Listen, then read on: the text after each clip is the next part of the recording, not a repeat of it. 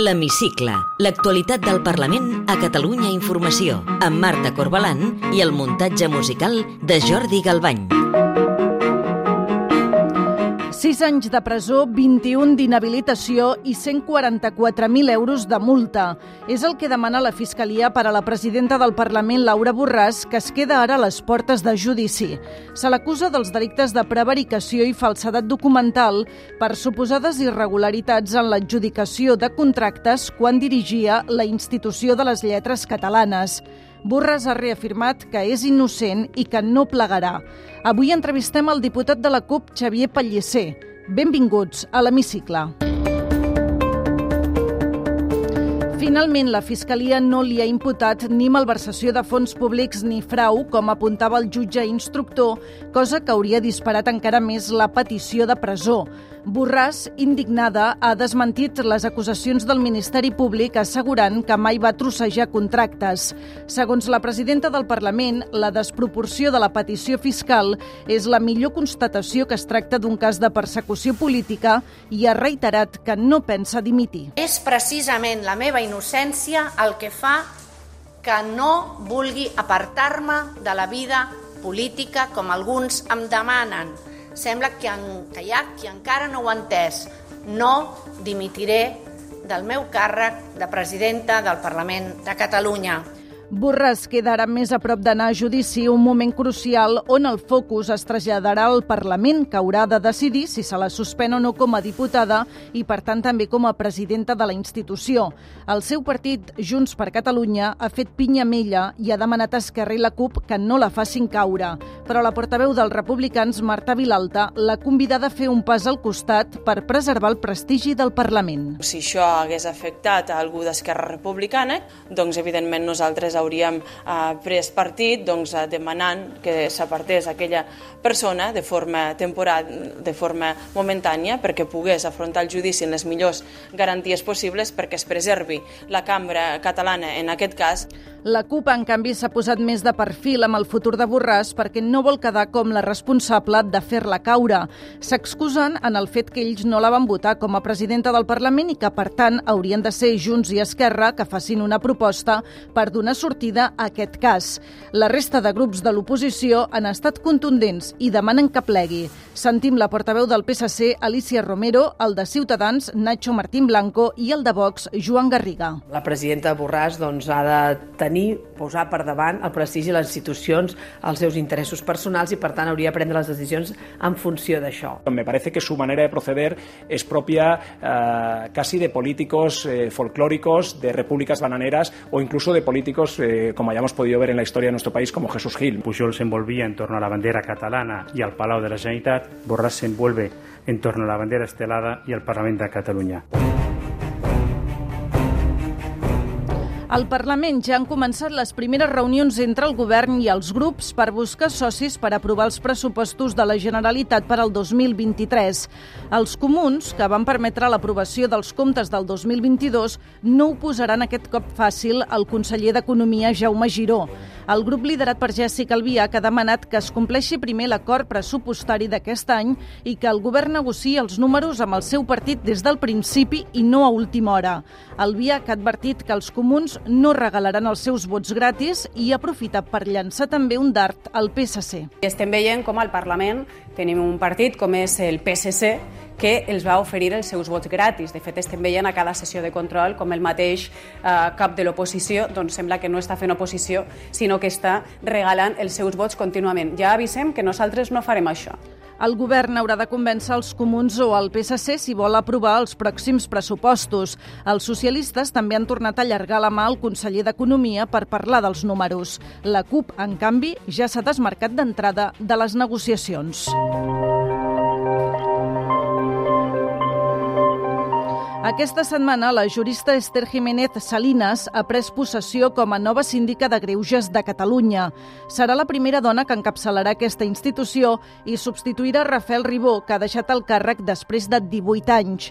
La nova síndica s'ha estrenat defensant una reforma del delicte de sedició per avançar en la desjudicialització de la política. També hauríem de procurar la desjudicialització dels conflictes que aquí a Catalunya és especialment important Per una banda, amb la modificació de determinats delictes, ho he dit moltes vegades, com el de sedició, adaptant-ho al context europeu, però també evitant la judicialització de molts conflictes que segurament tindrien sortida pactades. Té la paraula. Hola, sóc el Xavi Pellicer, diputat de la CUP. La Fiscalia ha demanat 6 anys de presó i 21 d'inhabilitació per a la presidenta del Parlament, Laura Borràs. Se l'acusa dels delictes de prevaricació i falsedat documental per suposades irregularitats en l'adjudicació de contractes quan dirigia la institució de les lletres catalanes. Aquests delictes són per a vostè corrupció? Bé, entren dins la tipificació de delictes, diguéssim, en abstracte, que formen part de tot aquest pacte de delictes de corrupció. D'això no hi ha dubte. Amb aquesta petició de la Fiscalia i considerant vostè que forma part de la categoria de la corrupció, creu que la presidenta Borràs hauria de plegar quan se li obri judici? Bé, aquí el que hem de tenir en compte és que per nosaltres l'important és posar al capdavant els processos col·lectius i, per tant, les propostes col·lectives per davant dels interessos individuals, i això em sembla que és important a tenir en compte. I l'altre element és que el que no podem permetre és que, no hi, que hi hagi ni una ombra de corrupció en l'independentisme. Alhora, també hem de ser conscients de la persecució de, de l'Estat cap al moviment independentista. A partir d'aquí nosaltres valorarem, quan arribi el moment corresponent, quina és la posició que tenim al respecte. En aquest moment el que pertoca és que aquells partits que van votar a la presidenta Borràs i van fer que fos presidenta quan ja sabíem que això passaria que aquest escenari arribaria, plantegin com volen sortir d'aquest escenari. Demana a Esquerra i Junts que facin una proposta per sortir d'aquest escenari, però el cert és que hi ha un article al reglament del Parlament, el famós 25.4, que diu que un diputat ha de ser suspès immediatament quan se l'envia a judici per delictes relacionats amb la corrupció. Aquest article, que precisament va ser eh, introduït a proposta de la CUP el 2017, s'ha d'aplicar? Bé, nosaltres el que pensem és que quan arribi el moment s'haurà de veure la seva aplicació i per tant quan s'obri eh, fase de judici oral s'haurà de veure la seva aplicació. En tot cas creiem que els reglaments eh, no estan fets per modificar-los en base a casos concrets. Per tant, entenc que vostès traslladen la responsabilitat a Esquerra i a Junts per Catalunya, que són els que eh, van votar la presidenta del Parlament. La CUP no ho va fer, no va facilitar la seva presidència, però en cas que Esquerra i Junts plantegin aplicar el 25.4, la CUP què votaria? Bé, veiem que hi ha molts supòsits, no? que hi ha moltes possibilitats i que no, en aquest moment no, no volem fer política ficció en escenaris que no s'han produït. En tot cas, quan hi hagi una proposta damunt la taula, doncs manifestarem la nostra posició.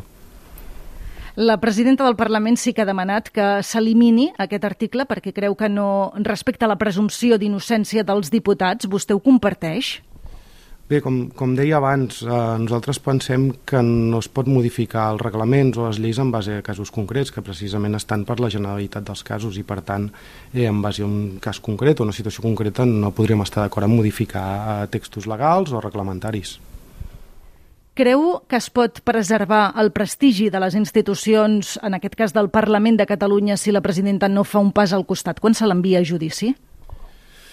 Creiem que no es pot deixar ni una ombra de dubte dins el moviment independentista que està sent perseguit, que està sent criminalitzat i que constantment s'estan buscant excuses, pretextos i eh, qualsevol ocasió per eh, criminalitzar-lo i perseguir-lo. Per tant, ens sembla que s'ha d'obrar en, en conseqüència, que s'ha de seguir sobretot en pro els processos col·lectius i que mai s'han de posar per davant els interessos individuals. Això eh, implícitament eh, estaria demanant que fora bo que fes un pas al costat?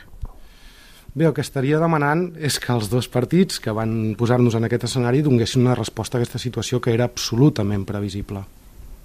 La presidenta Borràs sosté que el seu cas és un exemple més de la repressió política contra l'independentisme. Vostè també ho sosté al 100%, aquesta afirmació? Bé, uh, crec que és uh, difícil uh, comparar casos i que és difícil comparar casos que van relacionats, per exemple, en actuacions perquè es pugui fer un referèndum o en mobilitzacions, amb d'altres casos que tracten de qüestions absolutament diferents. I, per tant, se'm fa difícil poder-ho posar a la mateixa alçada o a la mateixa balança.